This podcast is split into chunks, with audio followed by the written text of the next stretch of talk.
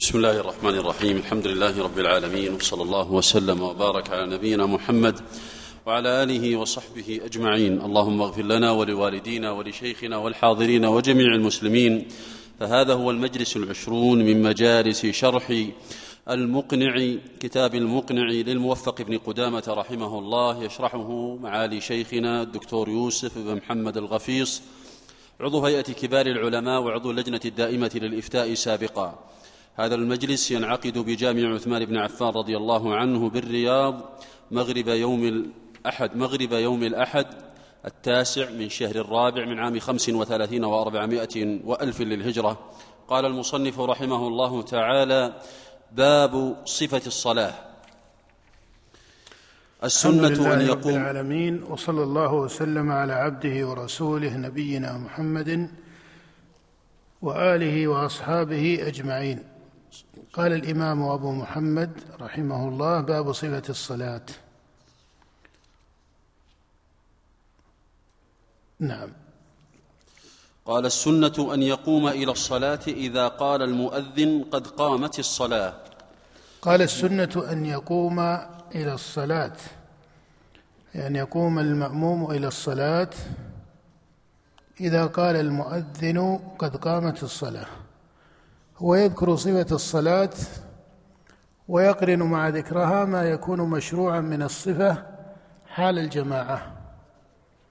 وإلا فإن الصلاة قد تقع دون الجماعة لكنه ابتدأ بذكر صفتها جملة مقرونة باعتبار وقوع ذلك جماعة. فقال السنة أن يقوم أي المأموم إلى الصلاة إذا قال المؤذن قد قامت الصلاة. وهذا الذي ذكره الموفق رحمه الله هو الذي عليه كثير من أهل العلم كثير من السلف وهو مذهب الإمام أحمد.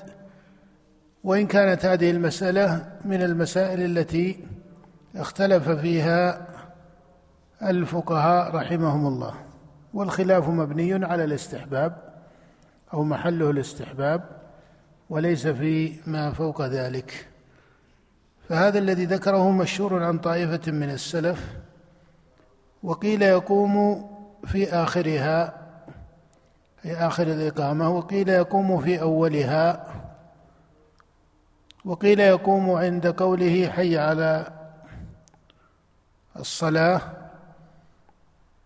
وهو قول الإمام أبي حنيفة. وليس في هذه الأقوال التي ذكرت ليس ثمة نص صريح بأحدها وإنما هي مستفادة من بعض ما روي وعليه فإن الأمر في هذا واسع. نعم. ثم يسوي الإمام الصفوف ثم يقول الله أكبر لا يجزئه غيرها. ثم يسوي الإمام الصفوف أي أن الإمام هو الذي يسوي الصفوف ولا يفعله غيره لأنه لم يرد أن النبي صلى الله عليه وسلم كان يفعله غيره وإنما كان يخاطب بعض الصف. وهذه حال عارضة. هذه حال عارضة أنه يخاطب بعض من معه في الصف لمصلحة تسوية الصف. ولم تكن هديا مضطردا في جميع فعل النبي صلى الله عليه وسلم. وتسوية الصفوف بإجماع العلماء من سنن الصلاة الظاهرة.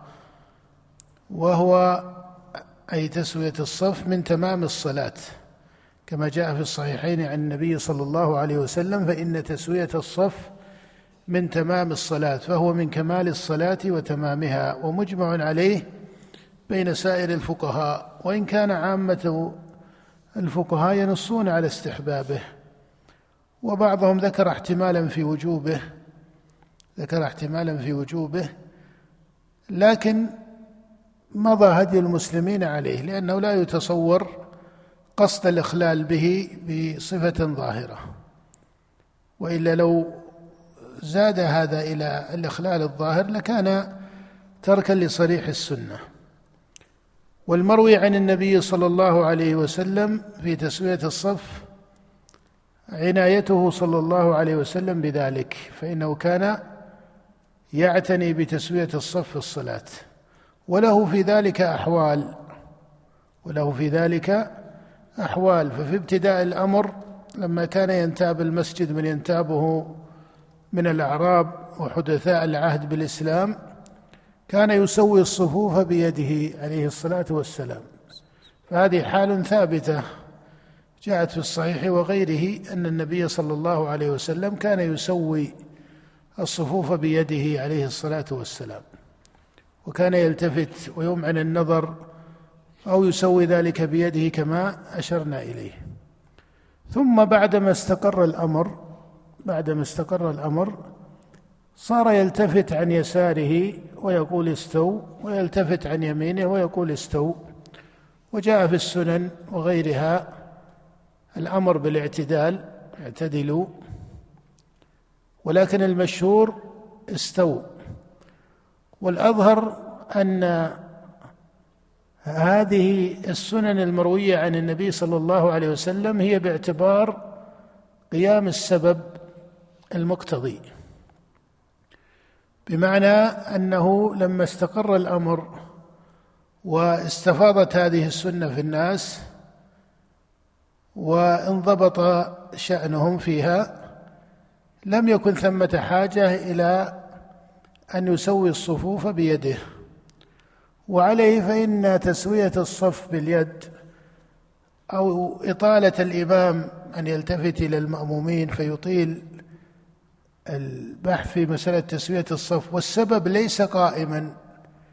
السبب ليس قائما. والمقصود بالسبب هنا وجود وجود إيش؟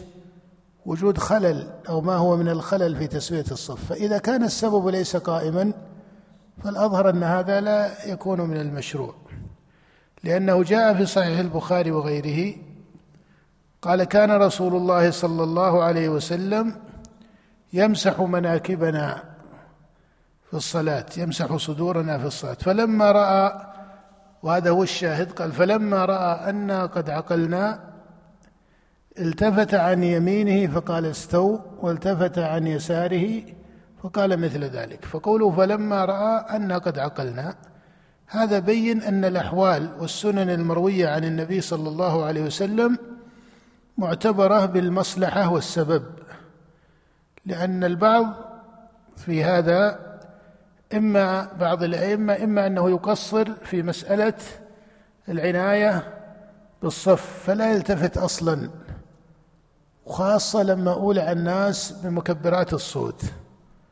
وبالغوا فيها. مكبرات الصوت لا بأس بها ولكن بالغ بعض الأئمة خاصة الذين ليس لديهم سعة في العلم أو حدثاء في السن أحيانا بالغوا في مسألة مكبرات الصوت هذه. حتى بعضهم تجد أنه أثناء القيام يلوي بعض عنقه شيئا معه قدر من الالتفات ليقع صوته في هذا المكبر.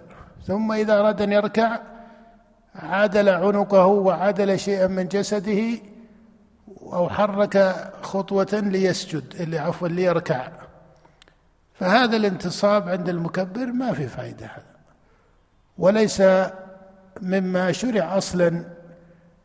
صحيح أن العناية بإقامة القراءة وحروفها وتجويدها تجويدا معتدلا لا غلو فيه هذا مما شرع.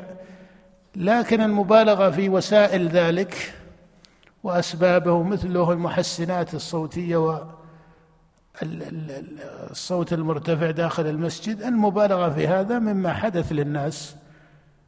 وإلا فلا ينبغي الاطاله في هذا الأمر.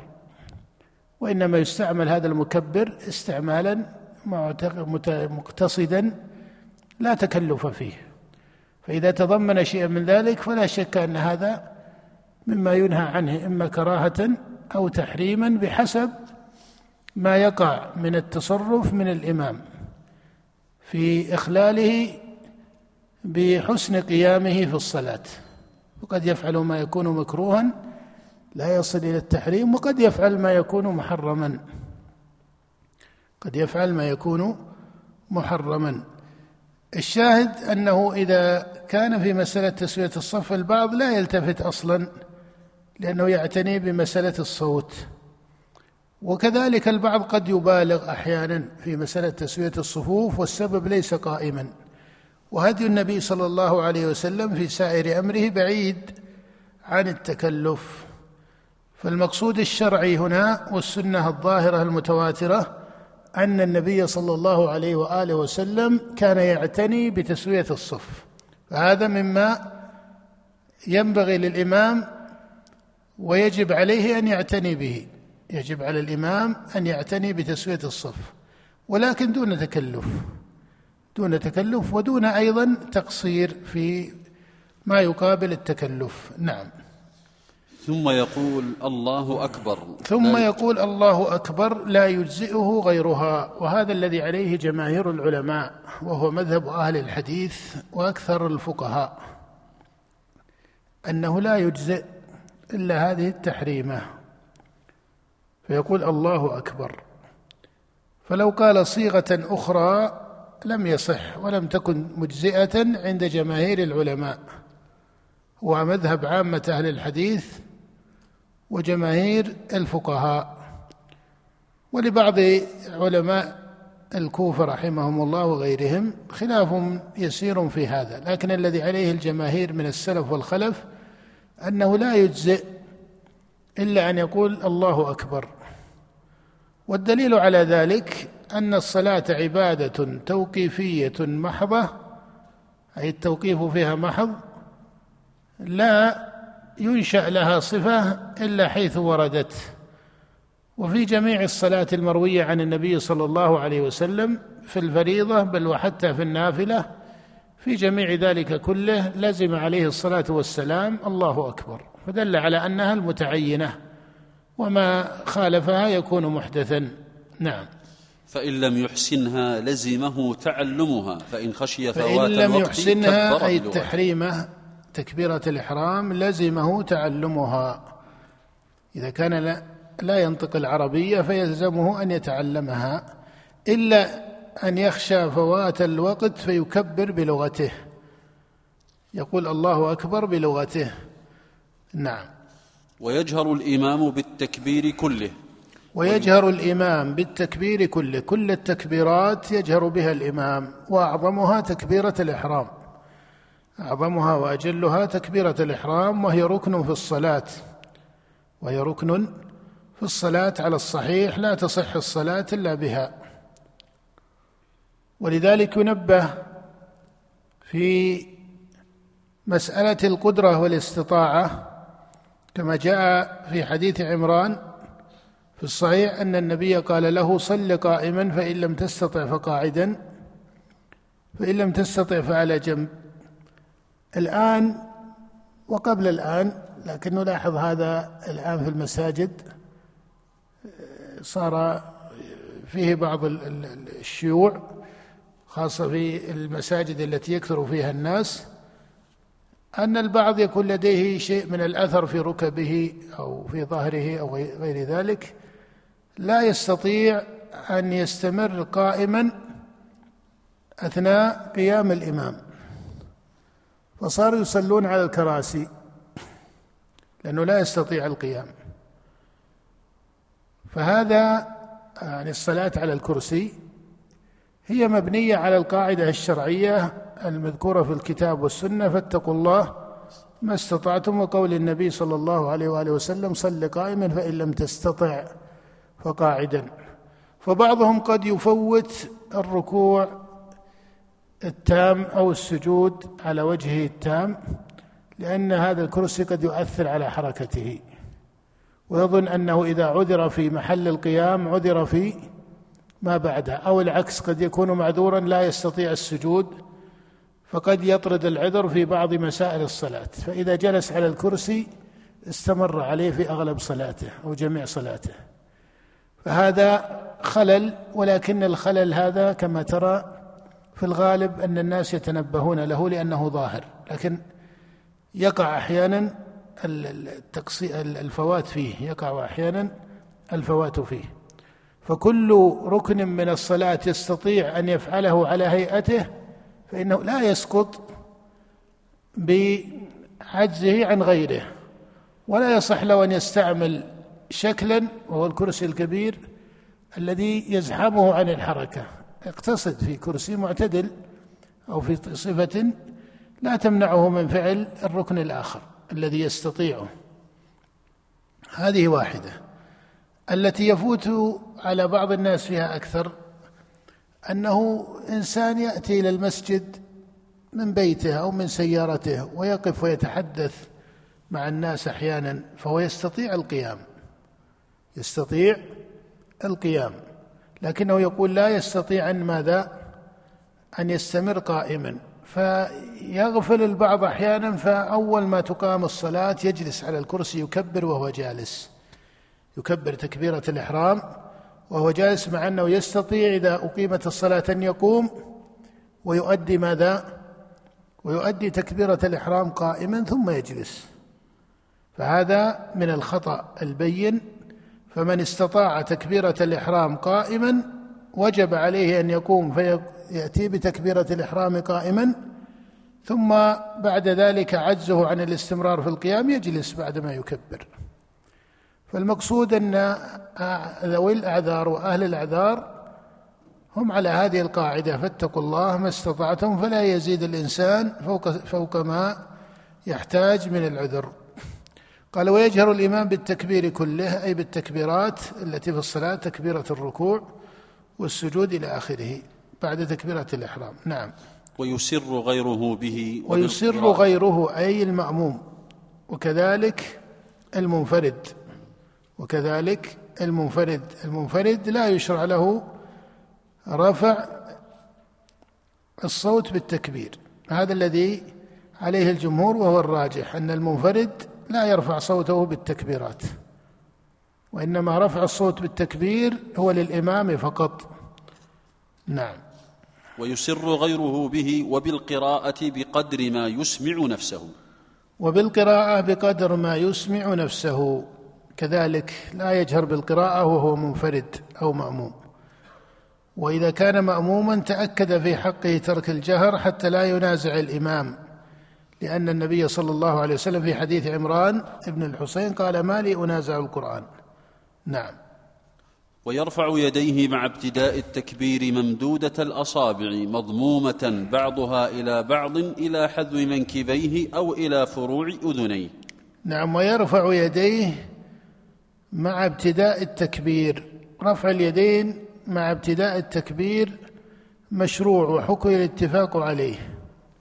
حكي الاتفاق عليه والسنن فيه متواترة وهو مذهب الأئمة الأربعة وعامة أهل العلم وحكي الاتفاق عليه أنه يشرع أن يرفع يديه في تكبيرة الإحرام كما وصف المصنف الصفة قال ممدودة الأصابع مضمومة بعضها إلى بعض إلى أي محل يرفعها؟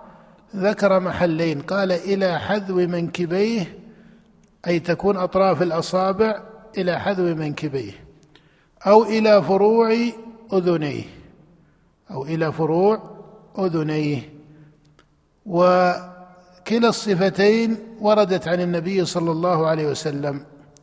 كلا الصفتين وردت عن النبي صلى الله عليه وسلم. الأولى هي التي رواها أكثر أصحاب النبي صلى الله عليه وسلم.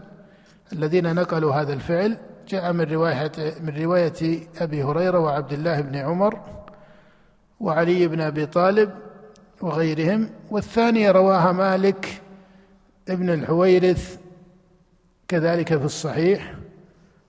ولذلك صار هذا مشروعا وهذا مشروعا وإن كان اختيار الإمام أحمد في بعض أجوبته أن الذي يلزمه هو الأول. يلزمه بمعنى أكثر الملازمة أكثر ما يفعل هو الأول. لأن أكثر من روى فعل النبي صلى الله عليه وسلم يذكرون الأول وهو إلى حذو منكبيه. ولو فعل إلى حيال أذنيه فهذا رواه مالك ابن الحويرث أخرجه مسلم في صحيحه. وجاء من رواية غير مالك. فهما وجهان من الصفة كلاهما سائغ. فلو فعلهما معا صح. ولو غلب عليه الأول فهذا أيضا يتجه لأنه أكثر ما روي عن النبي صلى الله عليه وسلم. نعم. ثم يضع كف يده اليمنى على كوع اليسرى ويجعلهما تحت سرته. ثم يضع كفه ثم يضع كف يده اليمنى على كوع اليسرى. وضع اليدين على الصدر في الصلاة أو تحت السرة أو فوق السرة. هذه ثلاثة أقوال للفقهاء ويقابلها قول من يقول بالإرسال. قول من يقول بالإرسال وهذا مذهب لطائفة من أهل العلم وهو أحد القولين للإمام مالك رحمه الله وهو المشهور عند أكثر أصحابه. والذي دلت عليه السنن بمجموعها خلاف ما ذهب إليه مالك في أحد القولين. وهذا الذي عليه الجماهير من السلف والخلف من الفقهاء وأهل الحديث أنه لا يشرع الإرسال. حال القيام في الصلاة أي قيام الأول أي القيام الأول الذي بعد تكبيرة الإحرام. ولكن أين يضع يديه؟ السنن صريحة في أن النبي صلى الله عليه وسلم لم يكن يرسل. فهذا هو المتحقق من جهة السنة. هذا هو المتحقق وعليه جماهير أهل الفقه والحديث. وهو الظاهر في السنن وثابت في السنن. إنما الخلاف في محل ذلك.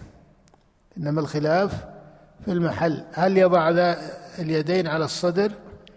أم يضع اليدين تحت السرة؟ أم يضع اليدين فوق السرة؟ هذا محل خلاف بين أهل العلم. ومذهب الإمام أحمد رحمه الله كما ذكره المصنف هذا هو المشهور في مذهب الإمام أحمد أنه يضع اليدين تحت سرته. أنه يضع اليدين تحت سرته. ونص الإمام أحمد رحمه الله على ذلك في بعض أجوبته نصا صريحا.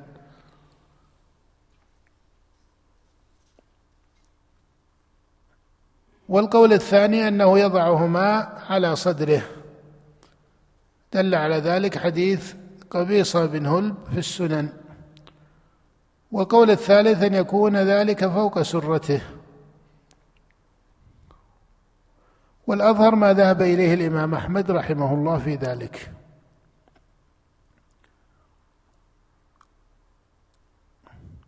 ولو وضعهما على صدره فهذا قول طائفة من أهل العلم من الصحابة والتابعين وغيرهم كما ذكره الإمام الترمذي لما روى حديث قبيصة ولكن الإمام أحمد في أجوبته نص على أن المحفوظ أنها تكون تحت سرته فكأنه كان يعل ما ورد في الباب على خلاف ذلك. حتى إنه عنه بعض الرواية كراهية أن تكون فوق سرته. وعلى كل حال فهذه مسألة من سنن الصلاة بمعنى أنها مسألة يسيرة. بمعنى أنها مسألة يسيرة. نعم. وينظر إلى موضع سجوده.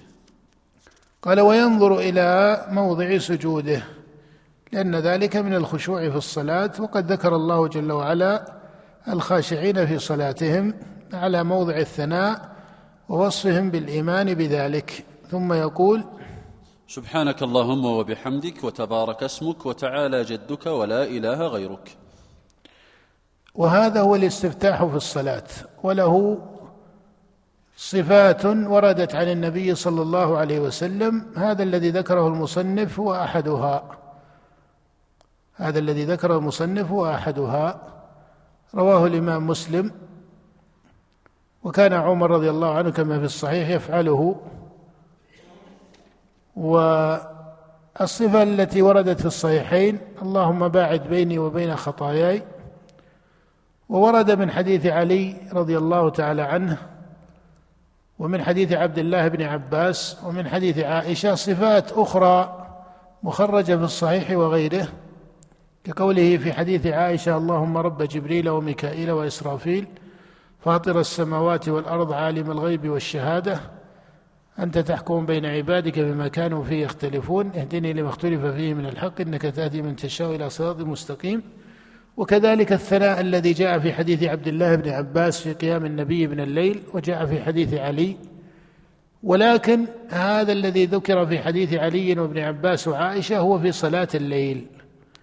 والذي حفظ في الفريضة الذي حفظ في الفريضة هو ما ذكره المصنف. وكذلك ما جاء في حديث أبي هريرة في سكوت النبي صلى الله عليه وسلم بعد تكبيرة الإحرام. فهذه الأوجه من الاستفتاح في الصلاة المتجه من حيث العمل بالسنة أن ما حفظ في صلاة الليل فإنه لا ينقل إلى الفريضة. لزوما لهدي النبي صلى الله عليه وسلم واقتداء ولو أنه يعني المصلي نقله إلى الفريضة لصح لأنه لم يرد التخصيص لكن إذا نظرنا من جهة الأظهر في تحري السنة. فالأظهر في تحري السنة أن ما ورد في صلاة الليل فهو في النفل وقيام الليل. وما ورد في الفريضة فإنه ينقل من الفريضة إلى غيرها. ينقل من الفريضة إلى النفل بخلاف الأول بخلاف الأول. ولكن لو نقله كما قلت فهذا فيه بعض السعة ليس مما فيه عزيمة. ليس مما فيه عزيمة. ثم ما ورد في الفريضة أيها المشروع هذا محل خلاف. ولأهل الحديث والإمام أحمد رحمه الله منهم لهم طريقة في السنن المروية عن النبي صلى الله عليه وسلم أنهم يستحبون ما ورد وإن كانوا قد يرجحون واحدا أو يجعلونه أكثر الحال لقيام السبب في ذلك. مثل ما سبق معنا في صفات الأذان في أذان بلال وأذان أبي محذورة وهذا أصل ذكره كثير عن أهل الحديث وذكره من المتأخرين عنهم ابن تيمية رحمه الله وكذلك ابن رجب رحمه الله وغير هؤلاء. أن ما ورد عن النبي صلى الله عليه وسلم بصفات فإن سائر ذلك يكون إيش؟ من حيث الأصل سائر ما ورد عن النبي بصفات فإن ذلك من حيث الأصل يكون مستحبا. ولكن كونه مستحبا وهذا من فقه هذا الأصل لأن البعض يأخذ هذا عن أهل الحديث دون تتمة فقهه. تتمة فقهه أن كون جميع ما ورد مستحبا لا يمنع عندهم أن يكون وجها من هذه الأوجه أو الصفات ماذا؟ هو الأرجح أو هو الذي يستعمل في أكثر الحال. وهكذا صححوا ما ورد عن النبي في الأذان لكن استحب كثير منهم وهو مذهب الإمام أحمد كما سبق استحبوا أذان بلال. هذا الترجيح لأذان بلال بين الإمام أحمد سبب الاختيار والترجيح فيه قال لأن النبي صلى الله عليه وسلم بقي في المدينة عشرا لا يؤذن إلا بأذان لا يؤذن إلا بأذان بلال. فهذا معنى في الترجيح. ومثله في الاستفتاح في الصلاة فإن الإمام أحمد رجح هذا. رجح هذا الذي ذكره المصنف وهو قوله سبحانك اللهم وبحمدك وتبارك اسمك وتعالى جدك ولا إله غيرك. وكان عمر يعلم ذلك الناس كما جاء في صحيح مسلم. وهذا أرجح يعني هذا الذي ذكره. وقد ذكر ابن القيم رحمه الله جملة من الأوجه لترجيح هذا. وبعضهم بعض الناظرين وخاصة من الباحثين المعاصرين أو طلبة العلم المعاصرين قد يلتفت إلى أن ما جاء في حديث أبي هريرة هو في الصحيحين وهذا ليس كذلك. فهل هذا يعد من المرجح؟ لا يظهر لي في هذه المسألة أن هذا مرجح لأن كونه في الصحيحين هذا الحديث الثاني الذي ذكره المصنف هنا وجاء تعليم عمر رضي الله عنه له هو حديث محفوظ بلا شك. فمسألة الثبوت هنا متحققة في إيش؟ في الوجهين أو في الصفتين. فهذا فيما يظهر ليس من درجات الترجيح أو أوصاف الترجيح المعتبرة في هذا المحل بعينه لأن الثبوت متحقق في الوجهين. لأن الثبوت متحقق في الوجهين. تحققا ظاهرا. إنما أيهما يفعل ثبت عن النبي صلى الله عليه وسلم فعل هذا وفعل هذا فيشرع أن يفعل هذا تارة وأن يفعل هذا تارة ولو غلب هذا لكان له وجه لو غلب هذا الذي ذكره المصنف لكان له وجه وهذا مذهب الإمام أحمد رحمه الله ولا سيما أنك آه، ترى من أوجه تغليبه أنه ثناء على الله سبحانه وتعالى يغلب فيه الثناء والأول يغلب فيه اللهم باعد بيني وبين خطاياي يغلب فيه الدعاء وكلاهما خير وإيمان وتوحيد وعبادة لله لكن المقصود أنه لا يترك هذا بهذا وأن ما يفعل هذا تارة وهذا تارة وإذا غلب التسبيح المذكور هنا فإن هذا له وجهه كما ذكره الإمام أحمد رحمه الله واقتدى بفعل عمر أن عمر رضي الله عنه كان يعلمه الناس. وعليه جماهير العلماء رحمهم الله. نعم. ثم يقول أعوذ بالله من الشيطان الرجيم. ثم يقرأ ولذلك كما أشرت أن بعض أهل العلم نصوا على الاستفتاح في الصلاة بما جاء في حديث علي رضي الله عنه ولكن الراجح في روايته أنه في صلاة الليل. نعم. ثم يقول نعم. ثم يقول أعوذ بالله من الشيطان الرجيم. الإمام مالك رحمه الله في أحد القولين في مذهبهم يتركون الاستفتاح في الصلاة. هذا أيضا مما عرض لمالك رحمه الله لكن السنن على خلافه.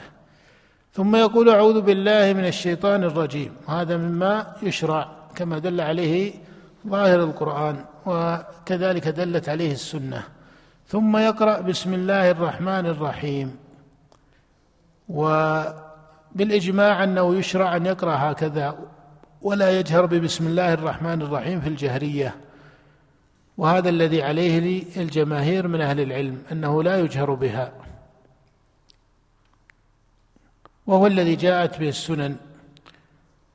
قال أنس رضي الله عنه كما في الصحيحين صليت خلف النبي صلى الله عليه وسلم وأبي بكر وعمر وعثمان فلم أسمع أحد أحدا منهم يقرأ بسم الله الرحمن الرحيم. فلا يشرع الجهر ببسم الله الرحمن الرحيم في قول أكثر أهل العلم. وإن كانت تقرأ لكن تقرأ سرا وهل هي من الفاتحة أو ليست من الفاتحة؟ هذا محل خلاف. ومذهب الإمام أحمد ومالك وأبي حنيفة أنها ليست من الفاتحة. ومذهب الإمام الشافعي وطائفة أنها من الفاتحة. نعم. وليست من الفاتحة وعنه أنها منها ولا يجهر بشيء من ذلك. ولا يجهر بشيء من ذلك أي لا يجهر بالاستفتاح ولا بالاستعاذة. ولا بسم الله الرحمن الرحيم. نعم. ثم يقرأ الفاتحة وفيها إحدى عشرة تشديدة. ثم يقرأ الفاتحة وفيها إحدى عشرة تشديدة أي أنه يقيمها على مخارجها الصحيحة في اللغة العربية حتى يتجنب الإمام اللحن. ولهذا قال النبي في حديث أبي مسعود رضي الله تعالى عنه يؤم القوم أقرأهم لكتاب الله. فالعناية بصحة القراءة هذا مجمع على مشروعيته وهو متعين في محله أن يكون واجبا في المحل المقتضي له. ولذلك من كان يلحن لا يصح له أن يكون اماما في الصلاة ويحرم عليه أن يتقدم الناس فيصلي بهم. ومثله الذي ابتلاه الله بأمر لا يستطيعه وهو أن يكون ألثغا أو ما يسمى باسم آخر بحسب الأسماء التي يذكرها أهل اللغة. لكن العرف يسمون ذلك ألثغا حيث كانت بعض أهل اللغة يجعل لذلك أكثر من اسم. إنما المقصود أن الناس يعرفون المقصود بهذا. المقصود أن الناس يعرفون المراد بهذا بمعنى أنه لا ينطق الحرف كما هو وإنما ينقلب عليه اضطرارا بغير اختياره وعدم قدرته ينقلب عليه حرفا آخر. وقد يكون من المجودين ومن حفاظ القرآن ومن أصحاب القراءات أحيانا. فهذا على خير وابتلاء الله سبحانه وتعالى له يكون مما يصبر عليه. وإن عالج ذلك لأن الآن في بعض الطرق المعاصرة لمعالجة ذلك. إن تمكن من معالجة ذلك فهذا ولله الحمد يكون خيرا في تجنب هذا الإشكال لديه. لكن المقصود أنه إذا لم يتمكن وهو من الحفاظ وهو من القراء نقول هذا لا يصح أن يتقدم يكون إماما في الصلاة. وأنا أشوف أن البعض أحيانا يتساهل لأنه ينشأ حافظا متميزا حسن الصوت بعضهم يصير حسن الصوت يلزمون عليه الجماعة أو أو أو أو, أو من يبني مسجد أن أنه يكون إماما. فهذا لا ما يصح أن يكون إماما وهو يلحن لحنا يحيل المعنى. لا بد أنه إذا لم يستطع ذلك يكون مأموما. فهذا مما ينبغي التنبه له. ولكن ما يتعلق بتجويد القرآن نبه إليه المصنف بقوله وفيها أي الفاتحة إحدى عشرة تشديدة. والقراءة على كل حال ترتيلها وتحسينها وتزيينها كما ورد في السنن وفي هدي النبي صلى الله عليه وسلم هذا مما يشرع. ولذلك ظهر في الصحابة قراء عرفوا بكونهم أقرأ من غيرهم كما ظهر فيهم في أصحاب النبي صلى الله عليه وسلم من هم أفقه من غيرهم ومن هم أعلم بالقضاء من غيرهم فهذا مما درج في تاريخ المسلمين بدا من عصر الصحابة رضي الله تعالى عنهم. لكن لما كثر الناس ودخلت الأمم غير العربية في الإسلام بفضل الله جل وعلا صارت بعض الطرق لدى بعض الأمم لها اتصال بطريقة قراءة القرآن وطريقة تجويد القرآن. فهذا مما ينبغي التنبه فيه حتى لا يقع فيه زيادة أو تكلف.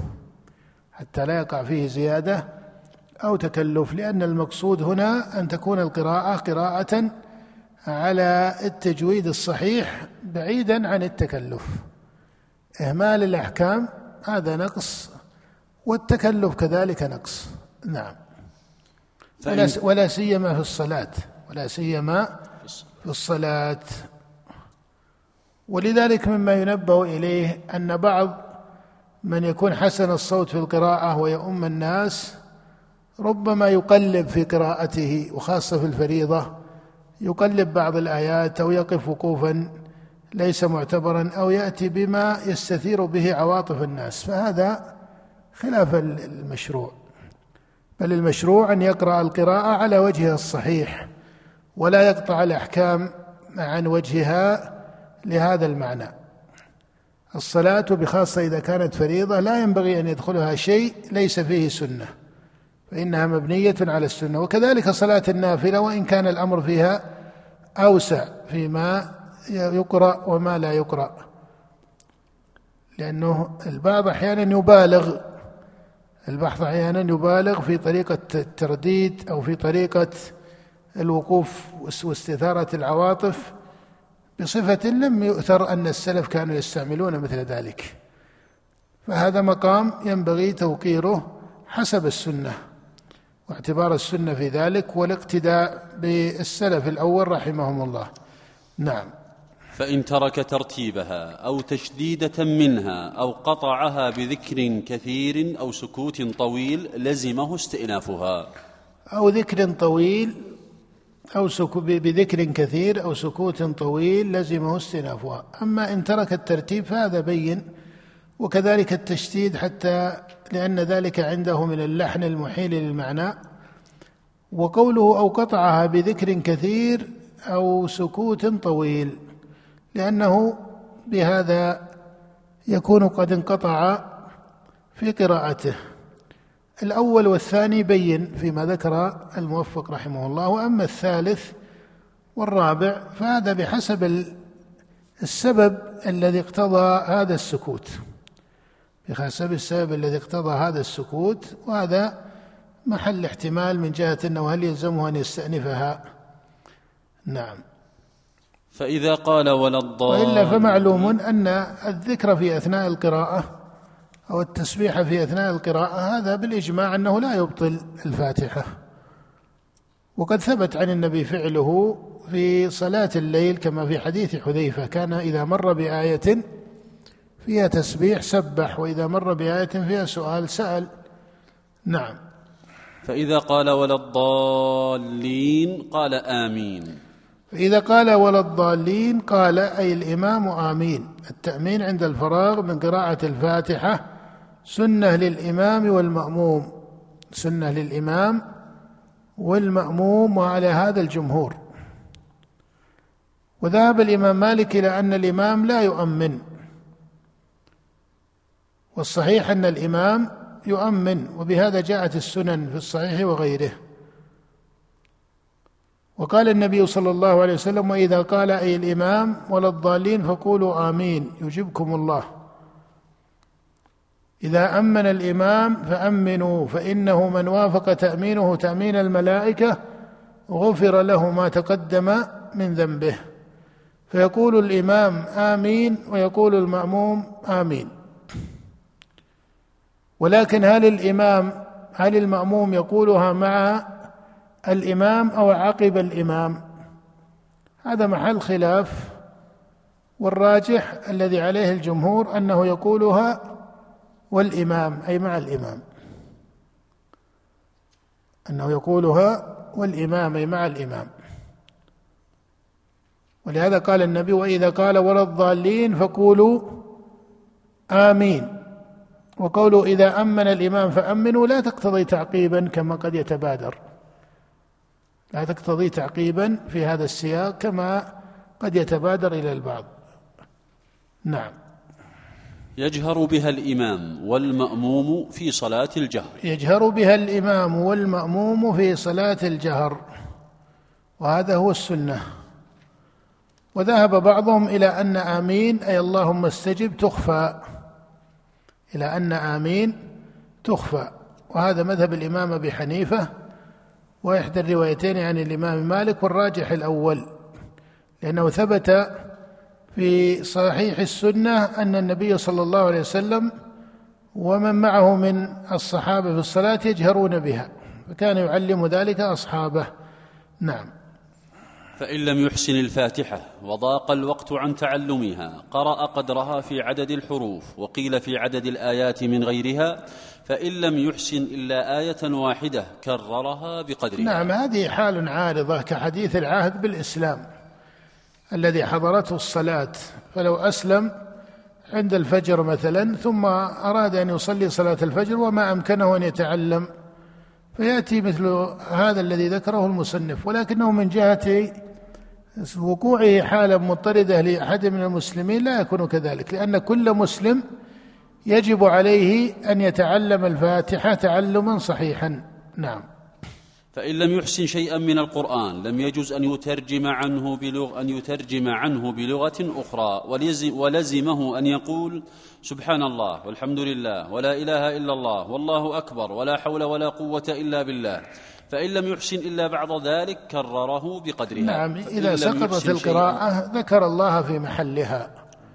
إذا سقطت القراءة كحديث عهد أدركه الوقت وهو حديث عهد فما استطاع القراءة وتعلمها لضيق الوقت فإنه يذكر الله يعلم جملة من الذكر أو آية من القرآن لكن كما أشرت إلى أن هذه أحوال عارضة تماما. نعم. فإن لم يحسن شيئا من الذكر وقف بقدر القراءة. أي سقط. فإن لم يحسن ذلك سقط. ووجب عليه أن يقيم الصلاة ويقف بقدر ذلك. وإلا فالأصل أن الصلاة ليس فيها سكوت مشروع. ليس فيها سكوت بمعنى يقف عن الذكر مطلقا. فنعم. بل كل محل له قدره. نعم. ثم يقرأ بعد الفاتحة سورة تكون في الصبح من طوال المفصل وفي المغرب من قصاره وفي الباقي من أواسطه. ثم يقرأ بعد الفاتحة سورة تكون في الصبح من طوال المفصل أو بقدرها. من طوال المفصل أو بقدرها وفي المغرب من قصاره وفي الباقي من أواسطه. وهذا أيضا مما ينبه إليه إلى أنه مع شيوع آه، حفظ القرآن ولله الحمد على هذه النعمة ونسأل الله أن يبسطها على المسلمين العناية بالقرآن وحفظه وتدريسه. وخيركم من تعلم القرآن وعلمه كما في قوله عليه الصلاة والسلام. إنما أحيانا لنقص الفقه يكون بعض الأئمة من الشباب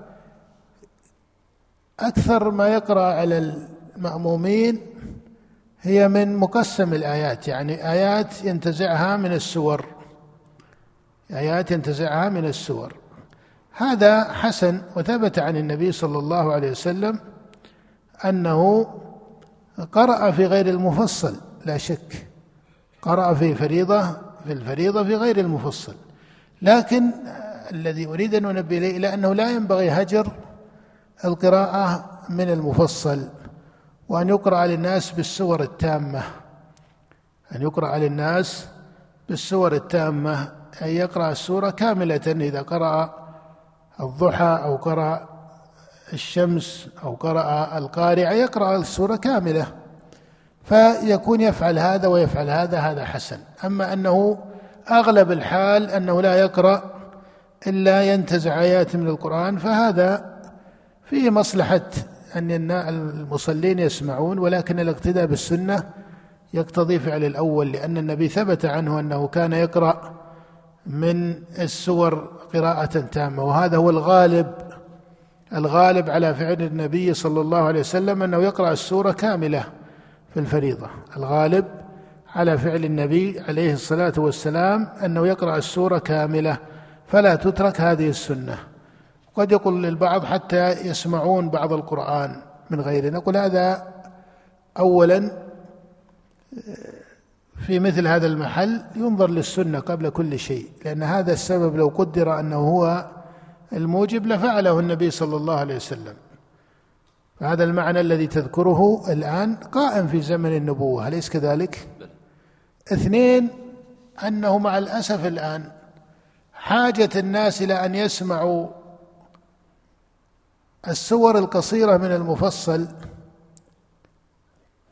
اللي فيه يعني جزء عامة أو جزء تبارك حاجتهم إلى أن يسمعوا هذه السور مهم لأن البعض الآن صار ما يحسن حتى هذا. مع ضعف تعلم القرآن لدى البعض صار بحاجة إلى أنه يسمع بعض السور حتى يحفظها حفظا صحيحا. والسماء والطارق ويسمع الشمس وضحاها ويسمع الضحى. بحاجة إلى أنهم حتى الآن المساجد يصلي فيها من ليس من العرب. بحاجة إلى أن يستمعوا بحيث تكون هذه السور التي يجلس سنين من عمره يستمعها في المساجد خلاص تستقر في الحفظ. ومعلوم أن الآن بعض الأجزاء من القرآن أو السياق من القرآن حفظ من طريق المساجد ولذلك حافظ حفظه من ليسوا قراء يعني من ليسوا يقرؤون بل هم أميون لأن الأئمة كانوا يقرؤون ببعض هذه السور في صلاتهم أو في صلاة الفجر خاصة أو غيرها. الشاهد من هذا أن هذا مقصد شرعي أيضا حتى يتعلم الناس جملة من السور. ولكن إذا قرأ في بعض الأحيان من جملة القرآن فهذا حسن. وإسماع للمسلمين لكتاب الله. وداخل في عموم فاقرأوا ما تيسر.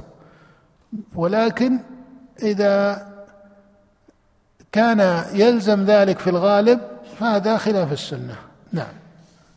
ويجهر الإمام بالقراءة في الصبح والأولين من المغرب والعشاء. ويجهر الإمام والأوليين. في الأوليين. ويجهر الإمام بالقراءة في الصبح في صلاة الصبح فإنها جهرية. وكذا الأوليين من المغرب والعشاء وهذا الجهر فيما ذكر المصنف من المحل مجمع عليه بين سائر أهل العلم. مجمع عليه بين سائر أهل العلم أن الصبح جهرية وكذلك الأولى والثانية من المغرب والعشاء. وما عداها فإنه يسر بالقراءة. نعم. وإن قرأ بقراءة تخرج عن مصحف عثمان رضي الله عنه لم تصح صلاته وعنه تصح. لا يستحب له أن يقرأ بغير ما جاء في مصحف عثمان. وهذه مسألة يعني مسألة القراءات. وهل يقرأ في الصلاة بأكثر من قراءة أو ليس كذلك؟ تحتاج إلى بعض التعليق لعله يناسب أن نقف عندها لقيام المؤذن للأذان وبالله التوفيق.